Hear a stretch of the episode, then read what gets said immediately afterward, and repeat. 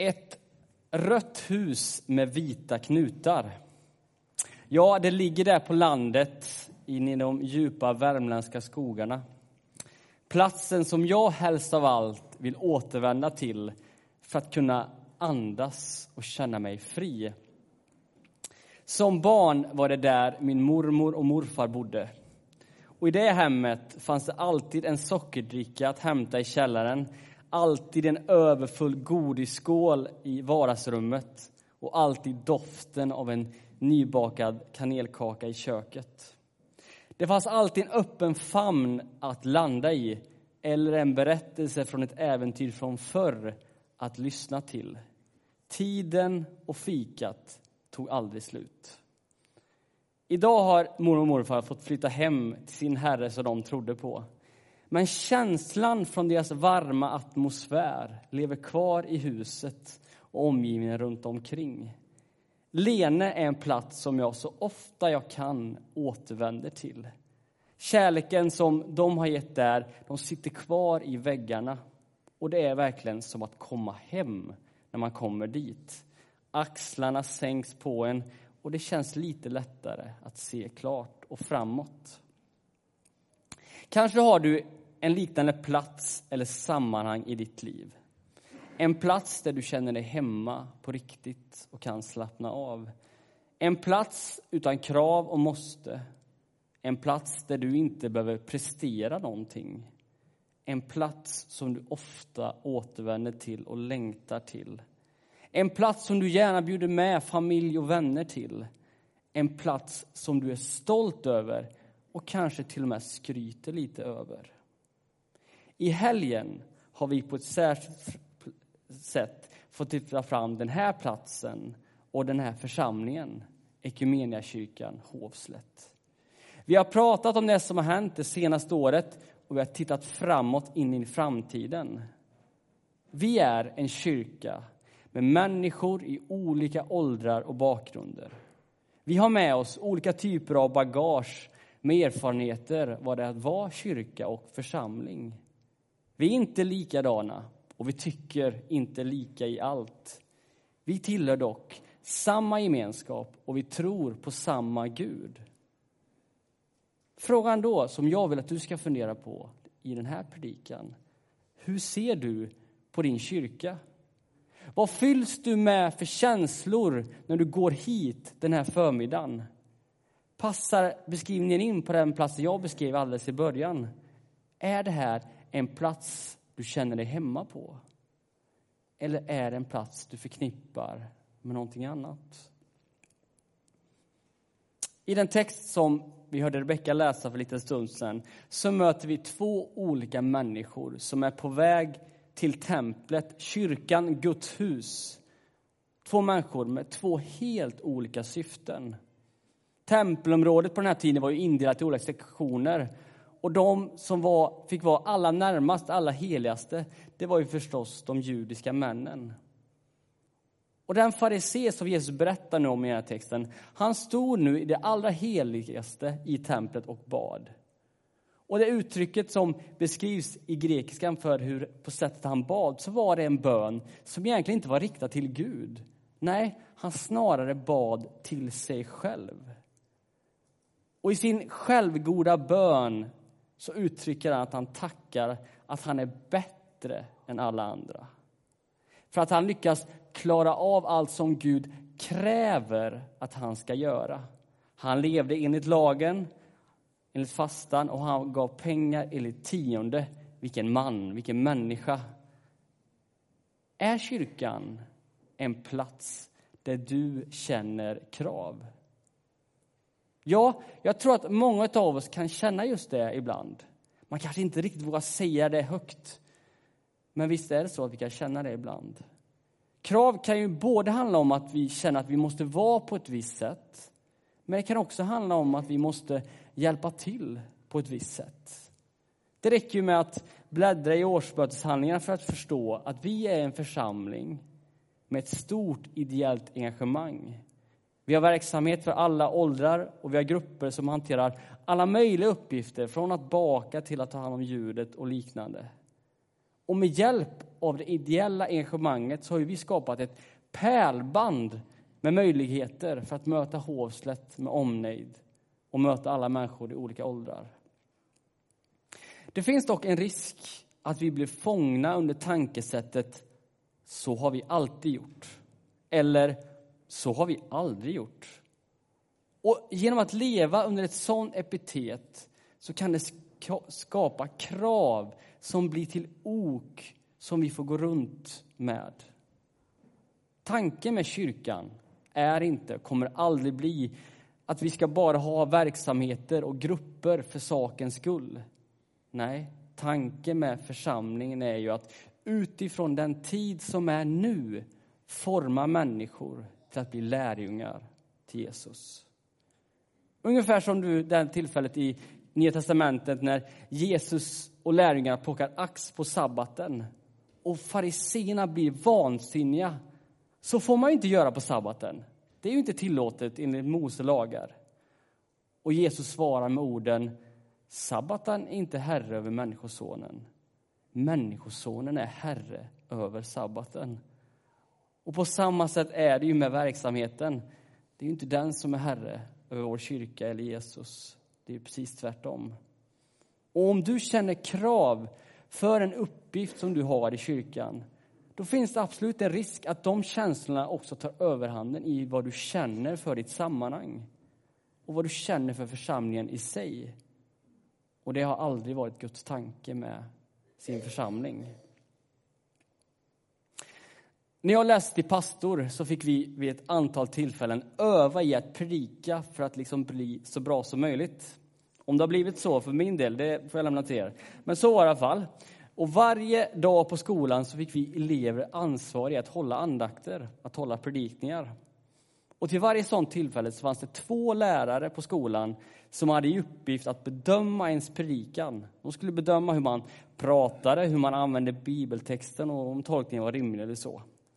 Och ni kan ju förstå att det var ganska nervöst att stå där och veta att det är några som sitter där inne och ska verkligen komma med sina kommentarer efteråt. Och framförallt var det en lärare som gjorde det ännu mer nervöst.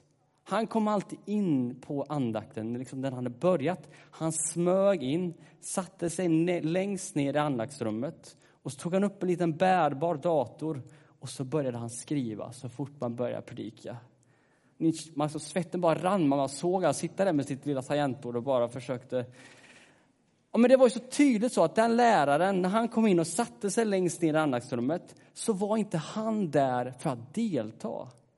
Han var där för att iaktta, bedöma.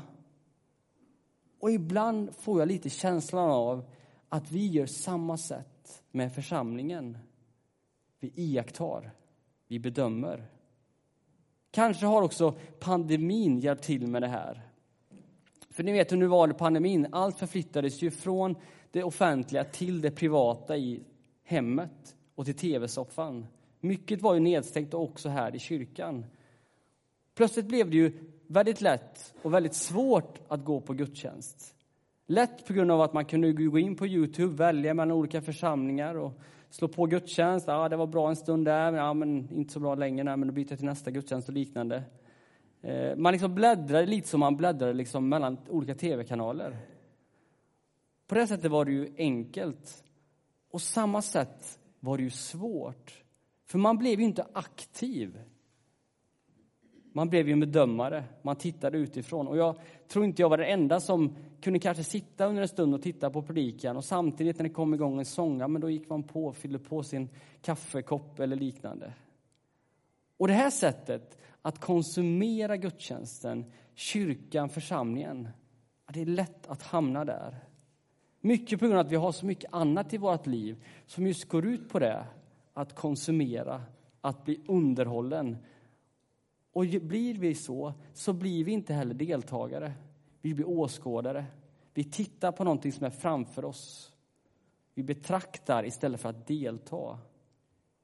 Och då, i det fallet också, när man bara betraktar och inte är med, när man inte kommer med sitt eget, så är det också väldigt lätt att vara kritisk. När det inte behagar en själv, när det inte passar en själv. Man håller distans istället för att hålla det nära. Har du blivit en sån? åskådare som tittar på istället för att vara med. Om man då hamnat i något av de här dikena som jag tror är väldigt enkelt att hamna i, antingen känna krav för sin församling eller att titta på, konsumera. Vad ska man då matas med för att kunna komma tillbaka till det sammanhanget som man vill vara? Ja, men jag tror man ska göra precis som tullindrivaren gjorde, som kom till templet för att be. Där inne i templet så stod han avsides, kanske på hedningarnas förgård eller liksom ett hörn på mannens förgård, som ett tecken på att han visste sin plats. Han var inte tillräckligt from i världens ögon. Han levde inte ett liv som de bästa människorna gjorde på den här tiden. Han var medveten om sin plats. Och det var därför också han gjorde som han gjorde när han valde att be. Det står att han vågade inte ens titta upp mot himlen, utan han tittade på sig själv, slog händerna mot bröstet. Och om farisens handling handlade om att han bad till sig själv, så kunde den här personen, den här tullindrivaren, knappt ens vända blicken mot sig själv, utan var tvungen i sitt inre att visa sin förtröstan på Gud. När han visade både på skam och sorg genom orden Gud, visa nåd mot mig som är en syndare. Tullindrivaren visste att han bar ansvar själv för sina handlingar. Han bar ansvar själv för sitt liv. Han var medveten om vad han var och vad han behövde. Och när han gick till templet för att be så gick inte han dit som en åskådare. Han gick dit för att han ville delta. Han gick dit för att han tog ansvar för sitt liv. Till skillnad från den där duktiga farisén som iakttog och tittade på. Och vi behöver göra som tullindrivaren. Vi behöver ta ansvar för oss själva och vår kyrka. Vi behöver våga se sanningen om oss själva. Inte för att den på något sätt ska förgöra oss, utan att den ska befria oss. Det är ju så att man mår bra av att ta ansvar. Det vet vi alla vi som har genomfört ett träningspass. När vi tar ansvar för att ta hand om vår kropp. Hur underbar känslan är efteråt när man har sprungit eller gymmat eller vad man än har gjort. Och det vet ju alla småbarnsföräldrar som gått ut med sina barn en regnig och grå novemberdag. Det är ju inte lätt innan, det är det ju inte. Hur underbar är inte känslan efteråt? Man kommer in igen och man vet hur bra det varit för barnet att få komma ut. Att få känna livsglädjen i dem när de har fått hoppa i de vattenpölarna. Eller hur underbar känslan är efteråt när man kommit hem efter att ha hjälpt till med renoveringen av vår förskola. Det kanske inte var så lätta steg när man gick dit, men det är väldigt stolta steg man har när man går hem. Att ta ansvar för sin kyrka, det är att älska den, trots att det finns mycket fel och brister här. Att ta ansvar, det handlar inte om plikt, det handlar om kärlek. Det Jesus gör med den berättelsen som Rebecka läste för en stund sedan, det är att han vänder på perspektiven. Alltså alla som lyssnade till den berättelsen förväntade sig att Jesus skulle lyfta upp farisén och det den gjorde. Istället så väljer Jesus upp att lyfta upp tullindrivaren. Det är han som är rättfärdig, inte farisén. Och det är ju för att tullindrivaren kommer med sitt liv till templet för att be. Han kom med det han hade. Och när han gör det då får han ta emot. Det är också det det handlar om, att komma till Guds församling. Det handlar om att få ta emot. När vi kommer hit, när vi söker oss till gudstjänst, när vi är med i vår smågrupp, när vi är med och ber, då får vi ta emot. Då får vi ta emot den nåden som räcker längre än någonting annat. Och kanske är den vackraste beskrivningen som finns av kyrkan är den att kyrkan är faktiskt som ett sjukhus. Här får vi komma med det liv som blev, inte det liv som borde ha blivit något annat. Här får vi möjlighet att ta emot läkedom som kan hantera både det fysiska och det psykiskt jobbiga i våra liv. Du vet, Jesus, han räds aldrig för det sjuka, det bräckliga eller det trasiga. När Jesus söker upp det. Och han gör allt han kan för att bygga upp det på nytt. Jag tror verkligen att församlingen är den platsen som vi behöver för att bli hela. För att där får vi möta varandra och vi får ta emot varandra. Det är faktiskt en plats som kan få vara det här hemmet, det här smultronstället som jag beskrev alldeles inledningen. En plats att få längta till, en plats att ständigt få återvända till. Ska vi be tillsammans. Jesus, tack för att vi får ha den här platsen. En plats som är din församling, där vi får tillsammans söka dig. Tack för att du känner oss, Herre. Du vet vilka känslor som vi bär på när vi tänker på kyrkan Hovslätt.